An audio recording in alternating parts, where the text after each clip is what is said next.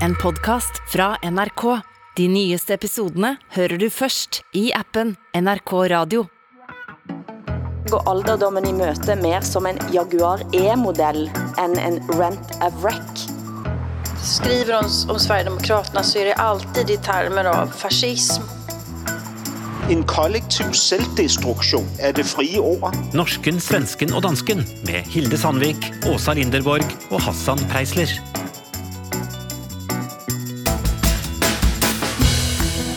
Velkommen til Panskandinavisk familieterapi. På designsofaen i dag sitter som sist danske Hassan Preisler, svenske Åsa Linderborg og norske Hilde Sandvik. Er vi eh, komfortable med at identificere oss eh, som representanter for Norge, Sverige og Danmark denne uken? Hvad siger du, Åsa? Føler du dig svensk? Ja, men det, det gör jag väl. Jag, I alla fall inget annat. Men jag känner ju aldrig att jag representerar Sverige i det här programmet. Jag, det tror jag ingen annan vill att jag ska göra heller. Ingen som bor här i alla fall. Utan jag är nog bara mig själv. Men hvordan har du det der i Sverige akkurat nu? Nej, alltså jag är på bokmässan i Göteborg eh, och jag hamnade med tåg som... Alltså det, tar, det ska ta drygt tre timmar att åka till Göteborg från Stockholm. Och jag satt på det här tåget i tio timmar. Eh, för att det var förseningar och det var helt vansinnigt faktiskt. Och sen hamn, var jag tvungen att... Jag skulle egentligen åkt vidare till Varberg igår kväll. Men eh, var tvungen att köpa mig en hotellnatt här i Göteborg. På ett hotell som jag vill inte säga vad det är, men där ingenting fungerar. Så jag är ganska irriterad. Ni kanske kan göra mig på bättre humör, hoppas jag. Hur är det med er? Hassan? Øh, jamen for at svare på dit spørgsmål, så har jeg sådan set altid ment, at jeg er øh, den absolut bedste repræsentant for Danmark. Øh, altså, jeg er danskheden inkarneret. øh, og jeg tror, at de fleste danskere har det sådan, at de er glade og stolte over, at det lige præcis er mig, der sidder her og, og altså repræsenterer vores nation. Øh, Ja, fordi det. jeg afspejler sådan set øh, Danmark og danskerne Ja, på hvilken måte vil du sige? på, på den måde, som hedder 100 procent. Okay. Ja, det är bra, alltså. Jeg sitter i eh, Trondheim akkurat nu, eh, på turné med en gæng med forfattere, og det er jo alltid veldig hyggeligt. Og jeg føler mig norsk. Jeg har jo alltid følt mig mest som en sånn vestlænding. Eh, og vestlændingers eh, natur handler jo om at være opposition til resten av landet, så sådan sett så kan jeg jo føle mig som norsk. Men du menar med västlänning, alltså västlänning i norska mått mätt? Ja. Inte västerlänning som vi skulle... Att du... Ja, netop at jeg bor på vestsiden av Norge, og kan Ok. kigge surt og mistænksomt over på alt som sker i Oslo. ah, det är såna ni är altså. Ja. Ah, kalder I så øh, Oslo, Osloboer, kalder I dem for østlændinge?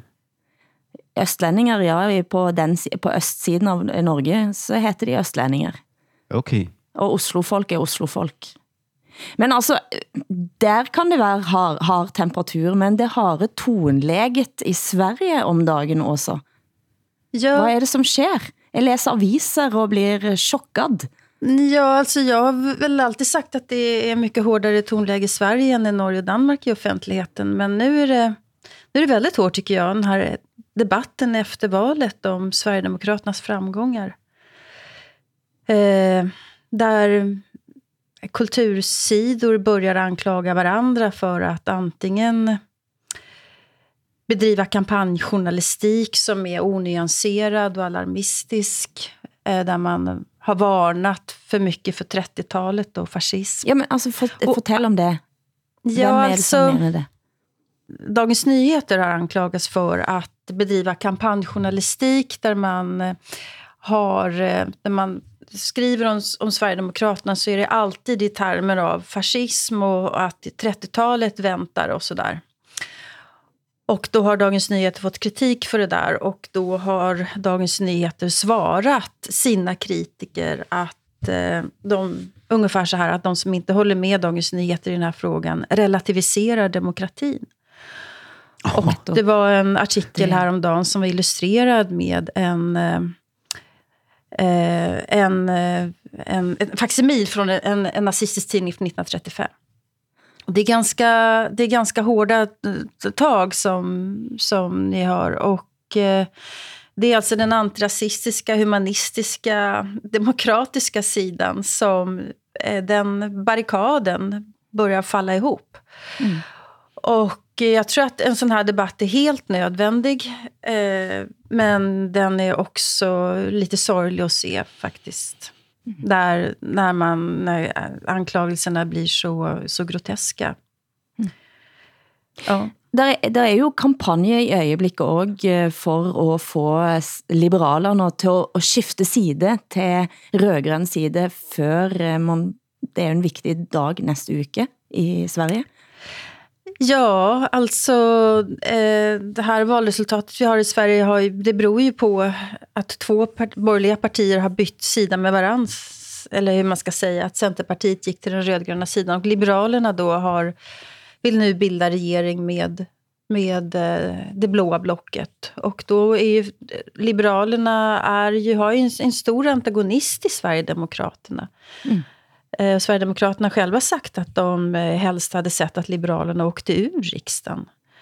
De mm. är ju ett illiberalt parti, Sverigedemokraterna. Och, eh, och, så att Liberalerna, de, är ju, de har ju gått ner i spagat här. De är helt splittrade. Och jag förstår inte riktigt hur de ska få ihop det här. Men, eh, for, for næste uke, sant? Det er, nå til uken, så er det statsministerstämming, är det ikke det? Ja, nästa vecka så, så röstar vi fram vilken statsminister vi ska ha i Sverige, alltså regeringsbildaren då. Och vad sker hvis eh, Liberalerna skifter side? Eh, ja, då blir det Magdalena Andersson som får försöka igen, tror jag. Hmm. Så det är faktiskt fremdeles lite uh, usikkert, eller? Ja, det är lite shaky. Det, det är det ju. Det är, det är absolut... Alltså svensk politik har varit väldigt konstig i, i åtta år nu. Vi går in i en ny period som mm. är så här skakig. Mm. Hvad tænker du, Hassan? Jamen, jeg tænker jo, øh, jeg tænker sådan først på den tragedie, det ligesom er, at øh, menneskeheden er så elendig til at øh, rumme sin egen kompleksitet. Ikke? At, vi har simpelthen på det følelsesmæssige plan så ufattelig svært ved at uh, håndtere, at andre mennesker tænker anderledes, end vi selv gør. Ikke? Og i Sverige har man jo lykkedes med ligesom at holde det under kontrol ved at... Uh, at lægge en dyne hen over det, efter min overbevisning. Ikke? Mm. Og nu er dynen kommet af, ikke? og så ser vi, øh, så ser vi brutaliteten, som vi, vi, vi, der er kommet tættere på Sverige, jo har anet lå under den her dyne. Ikke? Nu ser vi brutaliteten øh, udspille sig i, altså, på, på fuld kraft. Ikke? Og det er, altså, det er jo vildt, og jeg, jeg sidder ikke og tænker, øh, øh, at, at det her er vores naboer. Jeg tænker, at det her er menneskeheden, ikke? som vi ser illustreret øh, tydeligst. Ikke? Altså fordømmelsen, kategorisering, kategoriseringen, frygten, øh, udstødelsen for, øh, øh, øh, og så videre. Ikke? Men det har været en veldig interessant plagiatssak eh, denne uken, Hassan. Bordet har snudd, som norske artisten Gabrielle synger, og nå er det pludselig den danske højresiden, som kopierer den svenske. Där det en gång rådde ordning och trivsel behövs idag taggtråd och övervakningskameror. Er det her stadig Danmark? Er det det land, som vores forældre og bedsteforældre forestillede sig? Ni har skapat ett Sverige där familjer flyttar för att de inte längre känner sig trygga i sina egna hem.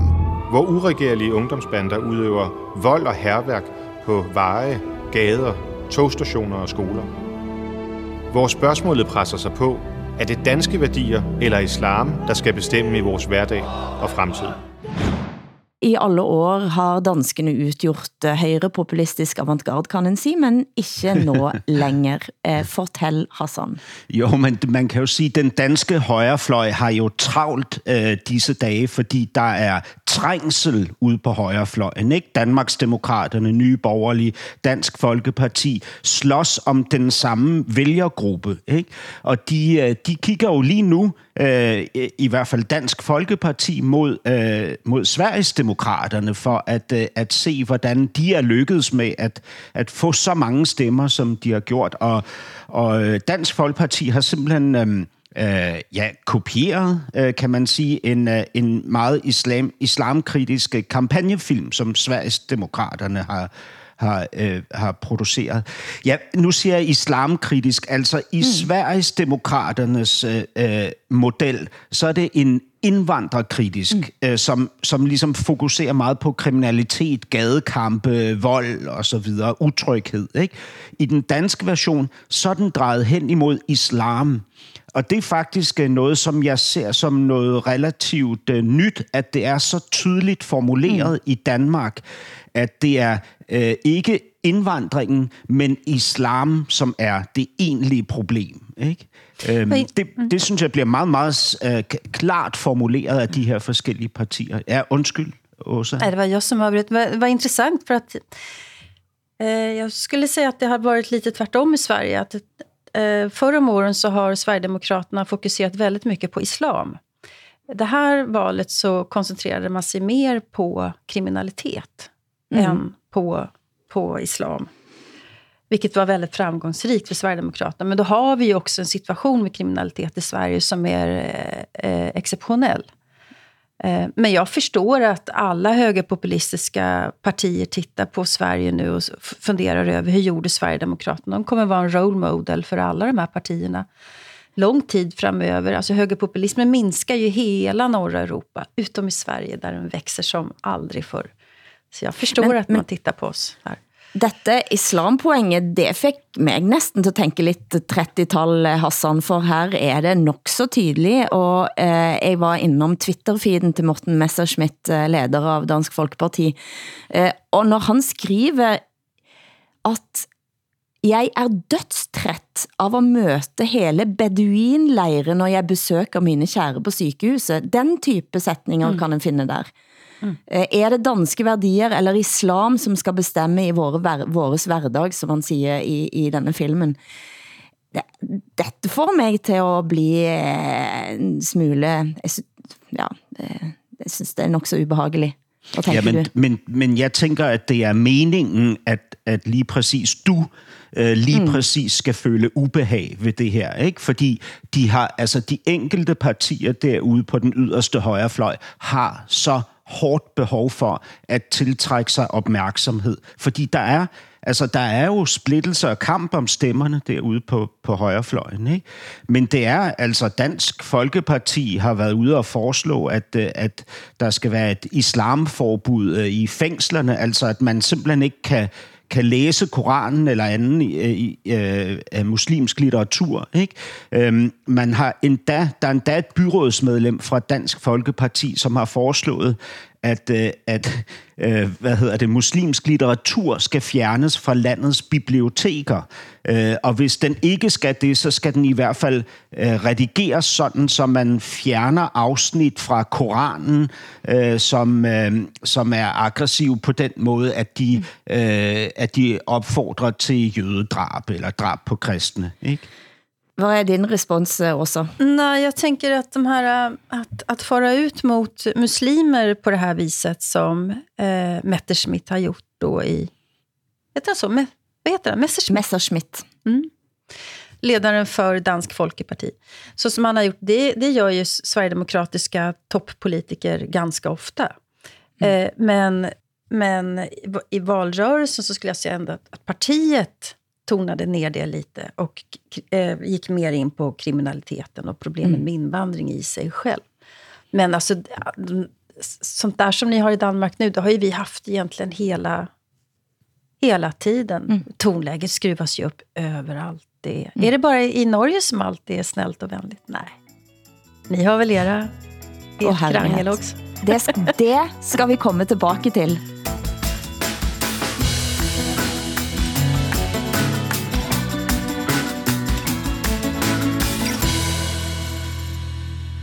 Dansken har endelig fått op eh, øjnene for den kongelige norske hofshaman, shaman Durek. Det er Berlingske Tidene, som skriver om prinsessens forlovede, og vi bliver jo veldig glade her i Norge, når danskene skriver om oss, Hassan, men hvad står det egentlig her? Jamen altså, øh, for, for danskerne skal man måske forklare, at øh, den norske prinsesse Martha Louise, som hun ville hedde på dansk, er gift med en, en shaman. Uh, øhm, øh, Durek Nej, hedder forlo han. forlover heldigvis Forlovet, ja, enn undskyld. så længe. Ja. Øh, en amerikansk øh, øh, shaman, Durek Verret, eller øh, sådan noget hedder han. Øh, og og det, det er jo kontroversielt af, af mange forskellige årsager, som du måske kan forklare mere simpelt, end jeg kan, Hilde. Men i Danmark øh, har man ligesom taget det her parforhold op nu, og sammenligner det, øh, øh, og sammenligner den proces, som øh, det her par er inde i, hvor flere og flere øh, virksomheder og organisationer tager afstand til prinsessen på grund af sit ægteskab med ham, så sammenligner man det med... Eller forlovelse, Ja, ingen ja, ægteskab. undskyld, ja, forlovelse. Ja.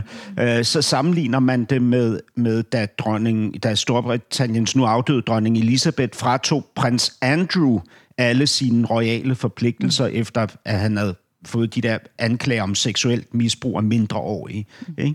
Øhm, så, så det er ligesom der, man lægger øh, øh, snittet her mm. i Danmark. Øh, mm. Man kunne jo også have valgt at betragte dem som øh, kærlighedsidealister, for eksempel. Mm. Ikke? Men mm. det, det gør man altså ikke, i hvert fald i Berlingske Tidene.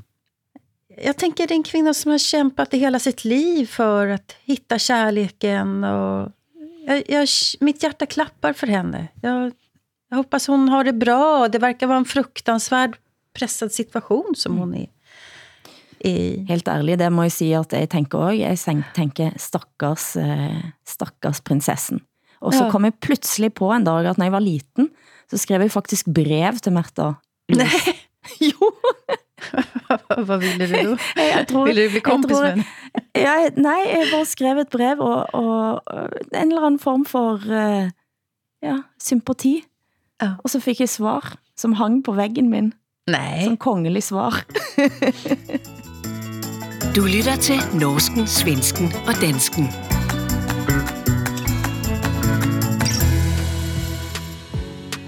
Inflation skyter i været, Rentene og atomtrusselen stiger, og vi går mot en kald og svindyr vinter.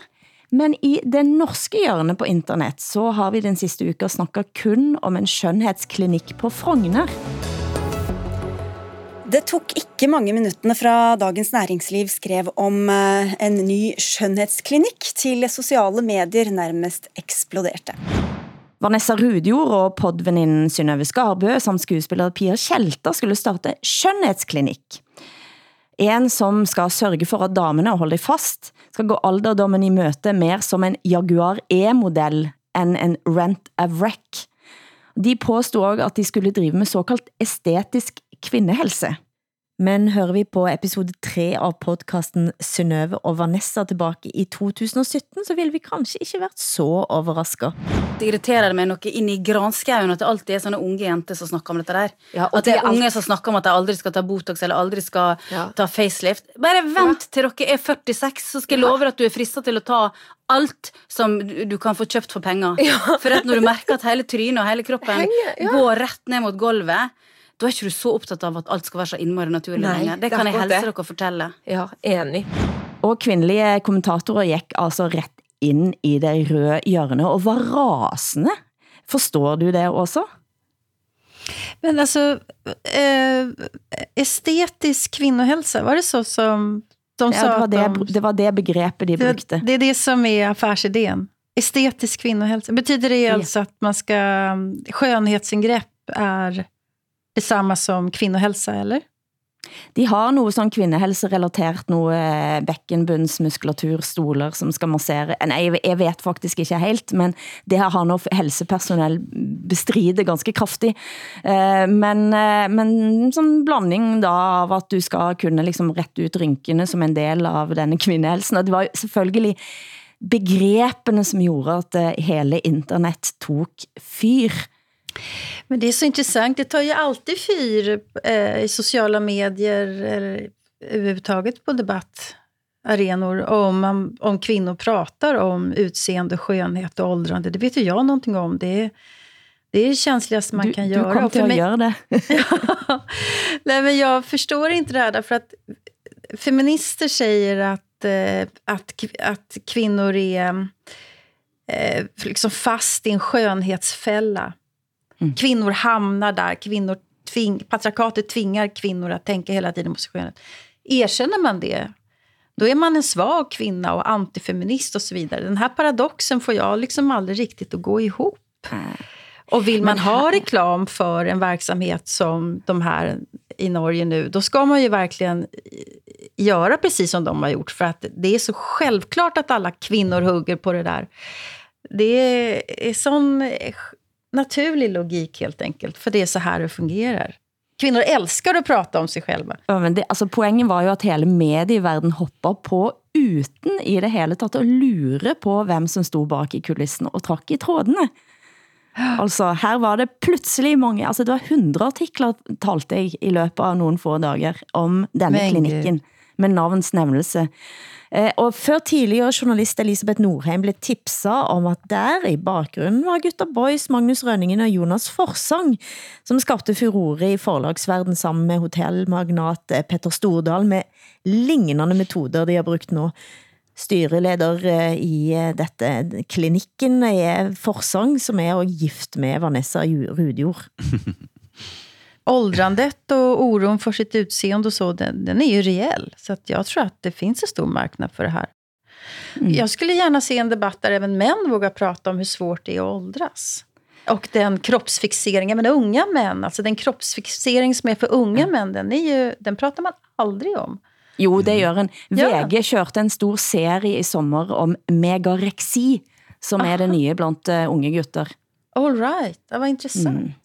Ja, ja det, det vil være meget, meget interessant og meget svært for mænd at øh, kommunikere omkring. Ikke? Altså, men, men der er jo ikke nogen tvivl om, at vi øh, lægger lige så stort pres på hinanden, som øh, kvinder gør. Og det var egentlig den pointe, jeg ville frem til, fordi de der skønhedsidealer, som kvinder har stablet op, føler jeg ofte ikke har noget med mig som mand at gøre, men som, Nej, er, jeg. som er noget, kvinder bedriver mod hinanden, ikke? Altså udsætter hinanden for. Ligesom mænd gør det ved hinanden, ikke? Vi har måske et, øh, en, en økonomisk skønhed, som vi forsøger at, øh, at præsentere os selv ud fra i forhold Mm. til andre mænd også, ikke?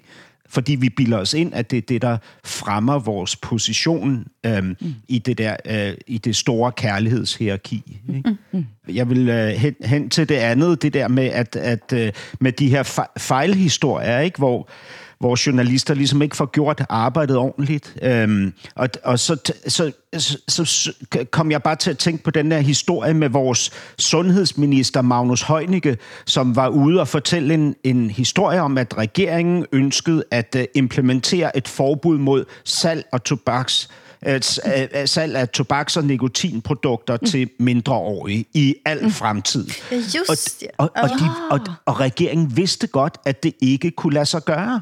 Og alligevel stillede ja, ja. sundhedsministeren ja. sig frem og præsenterede det her som en stor nyhed for hele befolkningen. Og medierne, smalle det. Ja, og medierne gik på den her historie. Ja. De tjekkede ikke, om det overhovedet kunne lade sig gøre.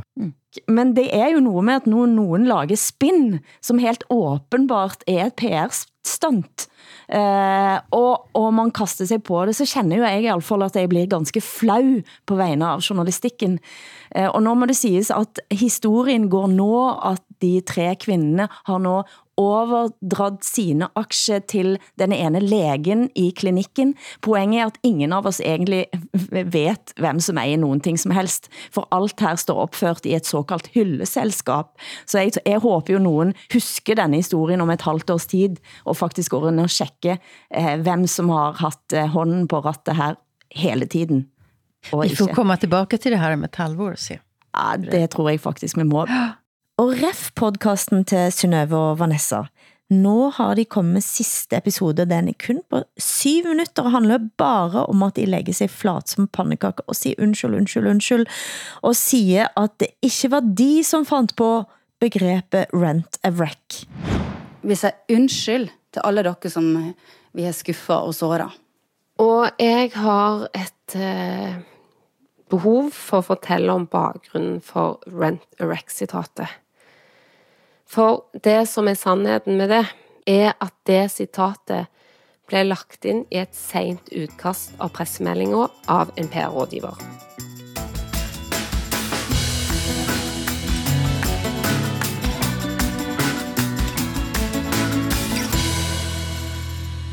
Men nu må vi tillbaka till den virkelige verden.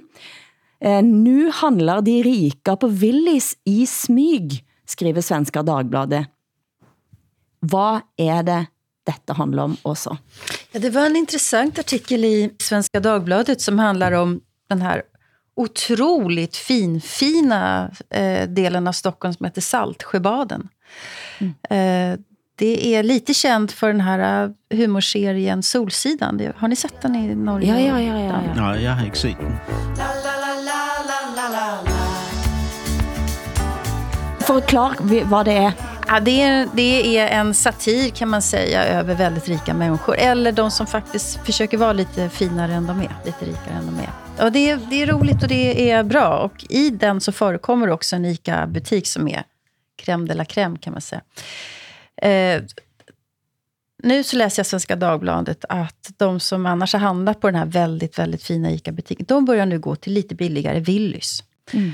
Och de letar efter rödlappade varor och de är lite generade. Eh, ska de verkligen synas här i sina fina kostymer? De är inte alls vana att röra sig bland såna här varor och människor. Eh, alla letar nu billigare sätt att leva. Inflationen mm. slår ju framför allt mot eh, medelklass och lite finare därför att eller alla vi som sitter fast i ränteträsket, som mm allt vi äger är ett lån. Vi känner ju av de här ökade levnadsomkostnaderna. Då undrar jag ju, till er, det är dyrare även för... Alltså, skär ni ner på någonting? Avstår ni någonting nu när allt har blivit dyrare? Jag gör ju det. Jag eh, handlar inte heller riktigt all mat som jag vill ha, till exempel. Som jag alltid har gjort förut, för eftersom mat är en viktig sak, tycker jag. Jag mm. letar också extra pris på sätt som jag inte har gjort mm. sedan jag var tonåring. faktiskt. Ni då? Ja, helt klart. Altså, ja, ja, vi, vi lider hårde afsavn her. Altså, vi, vi, jeg, jeg har holdt op med at drikke et glas vin til aftensmaden. Uh, vi, vi har skåret ned, drastisk ned på vores kødforbrug. Uh, Köttförbrukningen. Ja, Ja, og vi køber færre varer. Vores køleskab, hvis jeg, hvis jeg åbnede det for jer nu mm. og, og viste det, så ville I se, at det er halvtomt. Det har det aldrig mm. været før. Ikke? Uh, vi, vi har skruet, uh, vi har ikke tændt for varmen endnu, så der er koldt i vores lejlighed. Mm. Og gulvvarmen ude på badeværelset, den kommer til denne her vinter at være totalt slukket. Ikke? Ja, hemma hos mig kanske. Ja. Ingen, ingen golvvarme i badrummet. Jeg, jeg skulle have taget Nej. min datter til Malaga i efterårsferien. Det har vi droppet. Um, ja. men, men prøv at høre, alle de her ting, ikke? alle de afsavn, jeg lider, det er jo de afsavn, jeg burde have lidt, hvis jeg havde troet på, at der var øh, øh en, en klimakatastrofe på vej. Ikke? Mm-hmm. Altså, jeg tænker, denne her måde, vi, vi tvinges til at leve på nu, ikke? Øh, det er jo netop den måde, vi burde have, have begivet os ud i at leve øh, på, hvis vi reelt reelt troede på, at, mm. at der var en klimakatastrofe på vej. Ikke? Og på den måde, så er det jo ret fantastisk, at det ligesom... Fordi jeg tror ikke, idealismen uh, kan få os til at flytte vores røv ud af vores malige lænestol, men, men den ø- økonomiske Realisme. trussel, ikke? Ja. altså, den kan få os til at forandre alting. Ja. Ikke? Ja. Og det er vel kanskje der eh, nogen eh, blir konspiratorisk anlagt eh, og, og mener at vi presses nå netop med et andet udgangspunkt, som jeg synes blir jo også nok så, altså vi ser hvad som sker i Rusland og Ukraina, vi, vi vet hvad det er som står på spil, men jeg, men jeg har også, jeg har lastet ned apper, som jeg aldrig har lastet ned før, som handler om at tjekke hvad som er på tilbud i de ulike butikkjedene, mm -hmm aldrig nogensinde tænkt på, går jeg ind på den butikken, eller går jeg ind på den butikken, uden at forbruket har været så veldig stort. Mm. Eh, skrur av lys, eh, skru ner varme. Vi klarar oss ekonomiskt alla tre. Vi, vi lever ju inte på marginalen, men om man lever på marginalen verkligen, då tror jag att det här, det här kan bli fruktansvärt jobbet. Och eh, Ja, men jag funderar också nu överhuvudtaget över medelklassen som ju har haft det väldigt bra men, och som alltid har tänkt att det ska vara så låga räntor. Mm. Och, och, så. Och sen som eh, faktiskt känner in på bara huden att det blir dyrare att bo. kommer det att få politiska konsekvenser? Kommer medelklassen Åpenbart. att radikaliseras på ett sånt sätt som man gjorde under mellankrigstiden? Nu är det jag som pratar 30-tal här. Men som historiker så tror jag nog faktiskt att man måste kunna tänka bakåt i tiden nu. Hur har det sett ut tidigare när medelklassen har blivit extremt ekonomiskt pressad? För det tror jag man kommer att bli. Och jag tror att arbetslösheten kommer att växa också. Och jag tycker att det är ganska otäckt eftersom det är läskigt redan som det är. Tänker jag. Jeg er på turné med Jenny Jordal, som er en ung eh, forfatter og tegner, eh, som har eh, en bok som kommer ut nå, der hun har gått i dialog med alle kvinders blad fra 1938.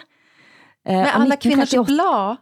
Alle kvinders blad, som er et sånt kvinneblad, kvinnemagasin, der man skriver ind om, eh, om hvad man er redd for, eller om sminketips, og man Aha. får eh, hvordan beholde en mand, hvordan finde en mand, hvad er det en, en mand ser i, i sin sekretær, altså den type spørgsmål. Hun Okay. har lag, altså det er en helt hysterisk morsom eh, bok, men hun har altså flere årganger av alle kvinders blad fra hele krigsårene.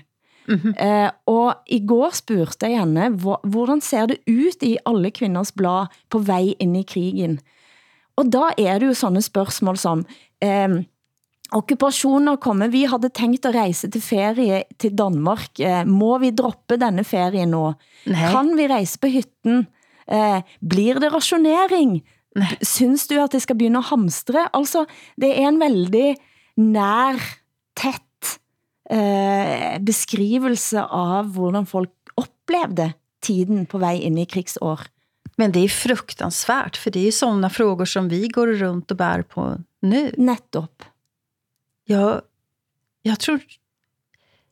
Alltså det finns inget gott som kan komma ur det här över, överhuvudtaget.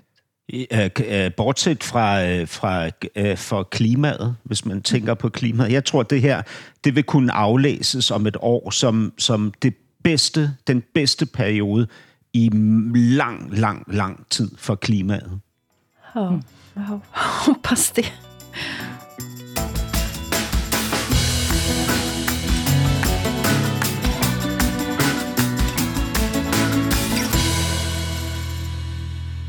Hassan, vi har jo allerede været innom den harde tonen i Dansk Folkeparti. Eh, nu har regeringen sagt, de vil altså lægge ned de muslimske friskolene i Danmark. Og Ja. hvilken reaktion skaber det? Får jag fråga bara, är det bara de muslimska friskolorna som den socialdemokratiska danska regeringen vill lägga ner? Det är inga Yes. andra religiösa friskolor? Nej, det er det ikke. Øh, För ni har väl, är det inte 25 procent av alla danska barn som går in i en konfessionell friskola? Øh, ja, det, det Altså, det er väldigt många. Det, ja, det tal kender jeg ikke. Jeg ved ikke, om det er 25... Siger du, at 25 procent Ja, af jag, de jag danske har för elever... mig det. Alltså, det är väldigt, väldigt många. Okay. Ja. Ja, det Men vidste det är bara jeg de muslimska som ska läggas ner alltså? Det er kun de muslimske, øh, man har planer om at nedlægge. Øh, Og det er jo altså, det er noget, som regeringen har arbejdet på i årvis. Altså siden øh, 2017 har Mette Frederiksen ønsket, at, at alle børn skal vokse op i dansk kultur, og at de her muslimske friskoler forhindrer dem i det. Øh, Blandt andet fordi de her skoler øh, blev, øh, blev taget i en, nogle ret kritisable forhold. Altså sådan noget med, at den enkelte øh, skoleledere og skolelærere har promoveret terrororganisationer, og at der er så øh, dårlig ligestilling mellem kønnene på skolerne, og, og i øvrigt interaktion mellem kønnene, og så at der er øh, opstår eller kan være meget hadsk tale over for øh, den jødiske minoritet i Danmark. Ikke? Øh, det, det er nogle af de ting, man ligesom har kritiseret nogen øh, eller en del af skolerne for, og det har ført til at regeringen ønsker at, at nedlægge skolen, øh, øh, privat, øh, de muslimske privatskoler. Hvor, hvor mange muslimske privatskoler er der i Danmark? Det, det, det ved jeg ikke. Det har jeg ikke tjekket op på. Øh, Jeg ved det ikke. Altså, der ligger en lige rundt om hjørnet herfra, hvor jeg bor på Nørrebro, men det, det er jo egentlig logisk nok, at den findes. Ikke? Øh, De her muslimske skoler, de har jo øhm, 90 procent elever med anden etnisk baggrund. 90 procent, ikke? Så det er jo, hvad hedder det, Øh, I modsætning til for eksempel den katolske skole, som ligger øh, lidt længere ned ad Nørrebrogade, som har en, en meget, meget stor andel muslimske elever, så har de muslimske friskoler kun øh, muslimske elever. Ikke? Mm. Øhm, og hvis nu man tager det her udsagn fra Mette Frederiksen og, og, og hendes regering for gode varer, og ikke mistænker hende for at, at tage det her op igen lige nu, fordi der er valg, altså så flugter det jo godt med nogle af de ønsker, som, øh, som Socialdemokratiet eller regeringen på mange områder har givet udtryk for, at de ønsker at gennemføre. For eksempel via øh, Kommissionen for den glemte kvindekamp, som jo mm. endte med at foreslå et forbud mod, at øh, piger bærer tørklæde, når de er i skole. Ikke? Et, et, et forslag, som kommissionen sidenhen valgte at trække tilbage, fordi de blev udsat for en mediestorm, ikke? som de selv siger. Øhm, så, så øh, det, det er ligesom fortællingen herfra. Ikke? Jeg har selv en datter, som går på en kristen privatskole. Mm. Øh, og, øh, og selvom vi ikke er kristne her i vores hjem, andet end kulturkristne, så, øh, så betragter jeg det som, som noget godt, altså noget, jeg sætter stor pris på. Øhm, og hvorfor det? Jamen, fordi det, det er ligesom, altså det skaber nogle bestemte rammer, som er øh, øh, øh, hvad kan man sige, baseret på en ideologi omkring ordentlighed. Ikke? Altså øh, nogle af de begreber, som man i, i den kristendom, som er formuleret i Danmark i dag, ligesom øh, vejer meget tungt. Øh, altså øh, øh næstekærlighed, respekt, øh, vende den anden kind til osv. Altså, I, I ved, sådan nogle, sådan nogle principper, som, som kan være meget, meget svære at, øh, at, ja, at kultivere pædagogisk, men som åbenbart er lettere at kultivere, øh, når det har et, et religiøst fundament. Ikke? Ja, det er, meget, det er et paradoks, jeg ved det. Mm. Hvad tænker du også? Nej, jag tänker alltså, vi har ju den här diskussionen lite grann i Sverige också, men Alltså, men skiljer du mellan kristen och muslimsk? Ville du ha gjort det också? Ja, men jag var tvungen att titta. Alltså, hur, många, hur många går i en religiös friskola i Sverige? Mm. Eftersom Sverige är friskolornas paradis, verkligen. Då är det en procent av de svenska skolbarnen som gör det. Vi har 70 stycken religiösa friskolor i Sverige. Varav sju eh, är muslimska, vad jag förstår. Eh, och då, många av de här skolorna är precis som vilka skolor som helst, medan andra har fått väldigt kraftig kritik. Eh, en, skola, en muslimskola i Göteborg och en i Gävle till exempel har, har eh, Skolverket stängt ner. Eh, på SVT nu så går en väldigt intressant dokumentär om eh, religiösa friskolor, där första avsnittet handlar om en kristen religiös friskola som handlar om indoktrinering och mental nedbrytning och hur man könsseparerar barnen och censurerar litteratur och så vidare. Den kritiken finns. Och hur man radikaliserar barn och så där. Så den kritiken finns ju. Eh, jag tror... Det är så svårt att prata om sådana här skolor eftersom de är så olika varandra. Men jag tycker rent principiellt inte att det ska finnas några religiösa friskolor alls. Der er i Danmark 27 øh, muslimske øh, friskoler, mm. og, og 10 gange så mange kristne friskoler i Danmark. Mm. I Norge er der faktisk ingen eh, muslimsk eh, grundskole. Den sidste, det var en, og den blev lagt ned i 2004, og eh, det har kommet flere forsøg på at søge om at bygge nye muslimske friskoler. Den sidste fik afslag i 2018. Eh, og Oslo, har, eh, Oslo kommune har sagt, at eh, de mener at det får en negativ konsekvens for integrering av elever fra mm. muslimske minoritetsmiljøer. Veldig tydelig. Avslag. Eh, og, og Oslo kommune sa også den gangen, at den havde over år arbejdet bevidst og målrettet med språkoplæring og integrering. Eh, og, og mener da, at muslimske friskoler eh, ikke er med på at bygge op under det. Mm. Ja, all, nej, men ja, det, här, det här är ju svåra frågor. Men, men eh, ja, alltså Europadomstolen de säger ju nej till att man förbjuder konfessionella skolor. Inte att, man, att det är förbjudet att starta nya, men däremot att man skulle förbjuda i ett land. Säger det är inte förbudt. Här man söker Eh, og hvis man mener at det ikke opfylder friskoleloven, Självklart. så får man avslag. Absolut. Så men det, är ingen, det är ingen förbud.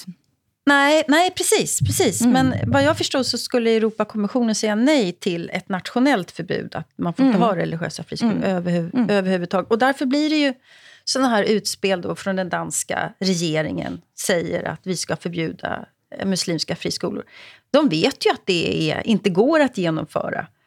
Ja, men det er Eh, stadig... Eftersom Danmark det är, med i EU. Ja, ja. Och, och ändå så gör man så här bara för att plocka, Ja. plocka väljare. Och det är ganska ohederligt. Der er ikke nogen tvivl om, at konventionerne øh, ikke tillader, at man går så målrettet efter en bestemt befolkningsgruppe, når man lukker friskoler. Jeg tror endda i forhold til den danske religionsfrihed, som er, er indskrevet i grundloven, at det ikke kan lade sig gøre. Men regeringen er altså fast besluttet på, at de vil have det her gennemført, og de er gået så langt, som de har, øh, til, at de har bedt de omkringliggende folkeskoler at forberede sig på at modtage eleverne fra friskolerne. Okay. Okay. Så det, det tegner til, at det er noget, de vil gennemføre. Også på trods af, at, de, at deres traditionelle parlamentariske grundlag, altså venstrefløjen, ikke kommer til at støtte op omkring det her. Ikke? Så det er en, det er en mærkesag for, for den socialdemokratiske regering. Ikke? Det er en mærkesak, ja. Jeg har overvejet en strategi, de kunne benytte sig af. Ikke? Hvis, hvis nu de øh, i læreplanen øh, for, for samtlige af landets øh, skoler øh, forlangte, at for at man lever op til re- reformerne, så skal man øh, undervise i øh, Mohammed-krisen og dermed vise øh, Mohammed-tegningen for at illustrere krisen. Så vil man jo øh, få skilt øh, som de vil sige, forne fra bukkene. Ikke? Øh, og på den måde Herlig kunne man... Hassan. Ja, Det jeg helt sikkert taget op.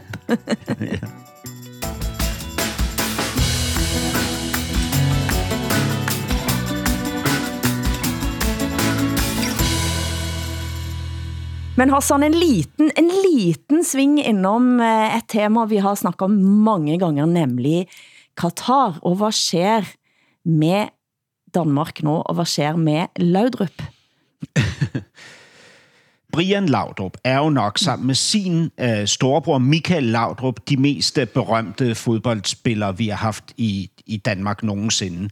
Altså, de er... Øh, ja, de var jo verdensstjerner i deres tid, ikke? Og, og de er stadig meget, meget vægtige stemmer inden for fodbolden. De fungerer som kommentatorer og, og så videre.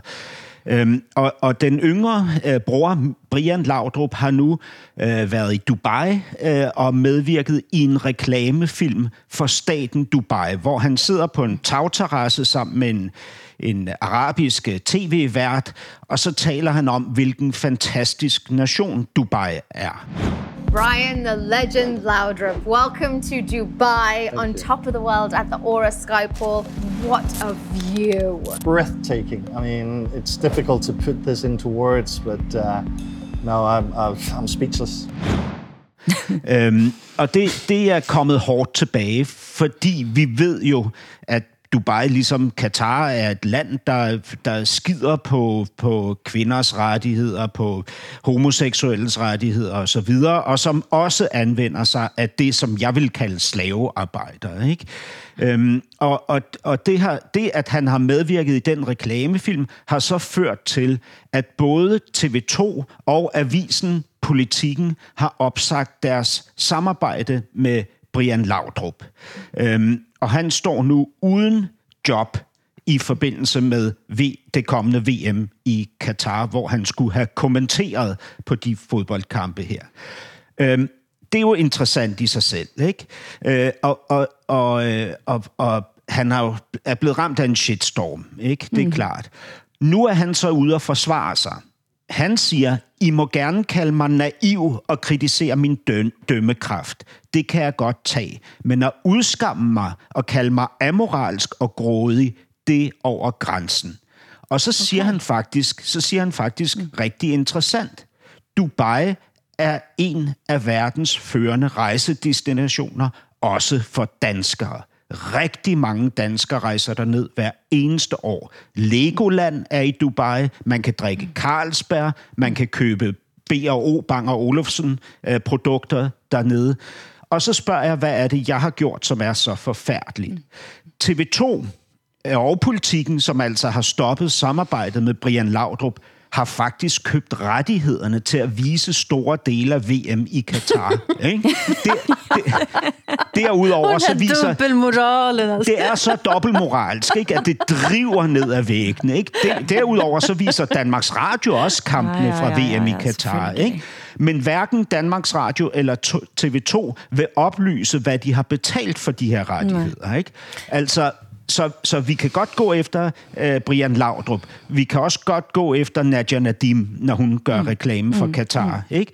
Men vi vil slet ikke se på vores øh, nationale involvering i de her slyngelstaters øh, øh, vanvidsprojekt med det her VM. Ikke? Hvad laver Carlsberg dernede? Hvad laver Legoland dernede? Altså, hvad er det for noget? Ikke? Alla vill tjäna pengar, men det vill väl Brian Laudrup också göra.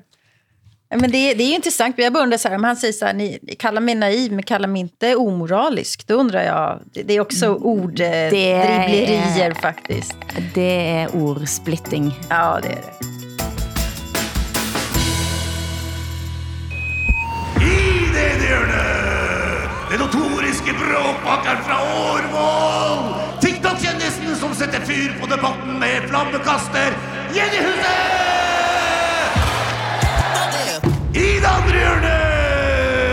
Vågende sovekrigeren fra Sandnes! Queen Sultan! Det starta med at de hadde lives eh, gjentatte ganger, og så etter hvert begynte Jenny å bruke feil pronomen.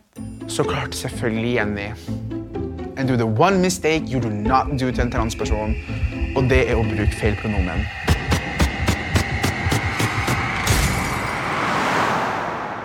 Den nye NRK-serien Norske Beefer handler om hvordan det krangles i den nye sociale medie-Norge med andre hvordan en digital beef eller krangeldebatt opstår på TikTok, Instagram, Snapchat og så videre. Og jeg sendte en episode til dere mest på gøy, men så virker dere helt chokeret. Fortell, hvad så dere? Hvad så du, Hassan? Jeg så et, et ekstremt komplekst netværk af øh, unge øh, influencer med, med meget komplekse identiteter og dermed meget komplekse loyaliteter. Ikke? Øh, som, som kom til at træde hinanden over tæerne, øh, både øh, ubevidst og vil jeg, vil jeg mene også bevidst for at, at provokere. Ikke? Fordi når man provokerer, får man opmærksomhed. Ikke?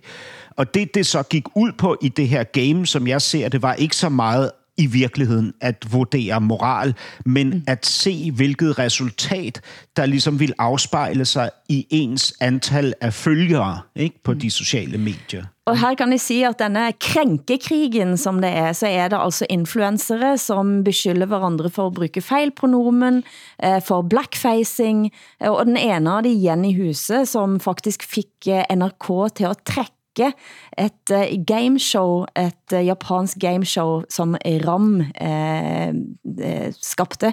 Eh, hun fik det NRK til at trække for at beskylde altså NRK for at drive jøn med japansk gameshow. Eh, og her i dette programmet, så er det hun, som blir udsat for at eh, på, påpakning av at hun har eh, altså blackfacer sig selv i en eller anden sminkeshow. Og så blir det en stor krangel.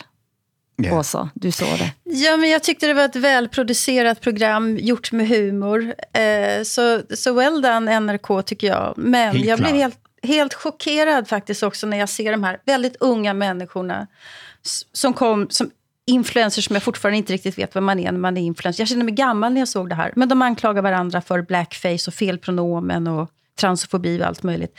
De har en enorm makt. Eh, och, de, och de förstår inte vilken makt de har att, att eh, cancellera tv-program, cancellera varandra. Men det som gjorde det också tänkte tänka sig, men jag är svensk, jag borde ju vara härdad, jag borde vara van med det här. Men när de säger allt det här på norska, då händer någonting i mig. För att norska är ju världens snällaste, vänligaste språk. Och så kommer de med så otroligt aggressiva anklagelser. Det blir clash i mitt huvud. Och jag hör ju också tydligare hur, hur idiotiska många av sådana påståenden, eller hela den här diskursen är, därför att jag hör den på ett annat språk. Men det, jag känner mig väldigt, väldigt gammal när jag såg det här.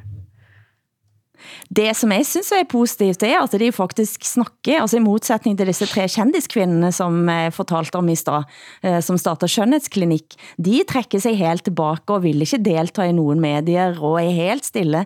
Men her sitter Jenny Huse og Queen Sultan og eh, andre og, og virkelig fyre løs på hverandre, altså. Men det är ju Eh, den här det- generationens narcissism, alltså den har ju inga gränser. Ja. Säger jag som sitter här i tv eller radioprogram. Säger vad jag vill. Jamen, øh, Å- Å- Åsa, vi, vi tre, vi er jo boomer-generationens influencer, ja. ikke? Ja. Det er der jo ikke nogen tvivl om. Men, men må jeg sige noget? Fordi jeg, altså, jeg kan ikke lade være med at tænke, jeg har nævnt det før, i det, også i det her program, tror jeg, men uh, Ray Bradbury, han skrev jo Fahrenheit øh, 451, mm. Fahrenheit 451 mm. øh, for mange år siden. Øhm, og i et interview en del år senere, så afslørede han, at den her bog handler slet ikke om statens øh, undertrykkelse af det frie ord. Den handler om en fremtidig, øh, en, en, et fremtidigt land, hvor der er så mange øh, og så sammensatte minoriteter med separate ønsker øh, mm. i forhold til øh, deres egne oplevelser af at blive krænket.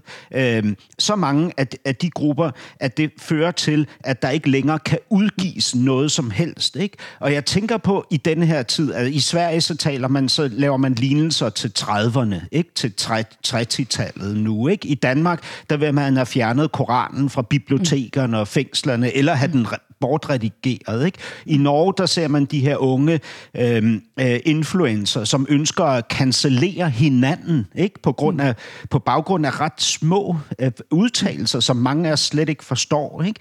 Altså, der, der er en proces i gang, som jeg ser det, ikke hen imod, øh, hvad, hvad hedder det, sådan øh, et, en kollektiv selvdestruktion Ja, ikke? Af, af det frie ord, og, og, øh, og det, det, det, det bekymrer mig. Ikke? Det bekymrer mig også. Ja. ja, fordi så ender det med, at staten, som den gør i, øh, i Fahrenheit 451, går ud og brænder bøgerne, fordi de er i forvejen øh, censureret sønder sammen, så de er reduceret til fodnoter, ikke? Og derfor er der ingen grund til at optage så meget plads til Alltså alle det de her bøger. ja, och det händer så mycket nu. Jag tänker att, att, man, att man börjar bli blasé nästan. Tittar du över Atlanten här nu så läste jag att i, i USA så är det 600 titlar med hbtq-litteratur, framförallt för barn, som är förbjudna på eh, olika bibliotek och så, därför att det passar inte den religiösa konvenansen där. Och ja. fan, det är USA, ska man inte förbjuda böcker? Alltså det, det håller på någonstans överallt, så, liksom, så är det någonting Mm. Som, som Mm. håller på. Så jag undrar, den här kollektiva självdestruktionen som Hassan pratar om, den är global ju. Och det här, det här gör mig livrädd faktiskt. Ja, vi er i en uke efter at en kvinde blev slået i hel av moralpolitiet i Iran for at have forløst hijab. Nå brænder det mange steder eh, i landet, men det er som vi klarer ikke at ta ind over oss at vi lever med i en verden der Handmaid's Tale er en realitet midt blandt oss. Nej, och just den där komplexiteten som Hassan pratade om tidigare, att vi är så dåliga på att ta vara på den. Mm. I, i, I Danmark så vill de förbjuda flickor att ha slöja eh, I skole. i skolorna. I Iran så kämpar kvinnor för att bli av med sina slöjor. Det här är en och Mm. samma värld, det är en och samma fråga. Eh, En och samma religion och reaktioner på det. Det är otroligt. Hvis vi skulle altså gjort dette programmet om til en norsk-svensk-dansk beef, hvad skulle vi ha kranglet om? Nej, jag vill inte ha någon mer beefar faktiskt. Jag är så... Kan inte det här få vara ett frirum där vi tänker högt? Jeg har, jeg har en beef. Øh, Nej. Jo, men det er, det er ikke med jer, det er med Finland. Okay. Ja, øh, det det drejer sig om, det er, at, øh, at skuespilleren Brad Pitt, som jeg øh, ganske vist meget hemmeligt, men dog har været stor fan af altid, fordi jeg synes simpelthen, han er så smuk. Han har nu skiftet øh, karriere og er sprunget ud som billedhugger. Og han har altså valgt... Vad, at, vad är det at, för något? Bildehockare? Altså, øh, Bildehugg- han laver stat- er skulptør. Ah, bildhuggare! Ja, ja, ja. Ja, han er, han er ja. sprunget ud som skulptør. Okay. Øh, men, men han har altså valgt at udstille sine skulpturer i Finland. Ja, men jag såg det, ja. Af ja. alle steder. Altså på, på museet Sara Hildenin Taide Museum hedder det, i Tampere i Finland. Tampere? Tampere? Vil, Du tycker han skulle ha varit på, på Luciana eller Glyptoteket på en gång, eller? Ja, naturligvis skulle han have valgt Danmark øh, at komme til. øh, Især fordi han udstiller sammen med øh, mit, øh, mit musikalske idol, Nick Cave. Ikke? Nej, usch vad han är tråkig. Åh gud vad han är tråkig. Nej, ja, synes du Oh. det? La oss berede grunn for en ny beef, Åsa, med at gå ut på netop Nick Cave. Med det som vi alle i øjeblikket har en følelse av at stå på en shattered ground. Goodbye. She's waving goodbye, she's waving goodbye. Well, the moon is a girl with the sun in her eyes.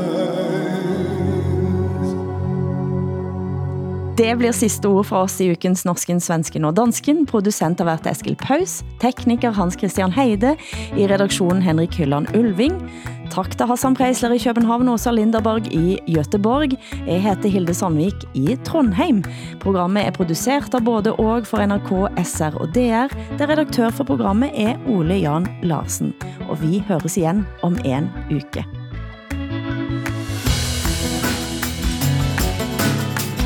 Ni fick mig på bättre humör. Jag var på så jävla dåligt humör.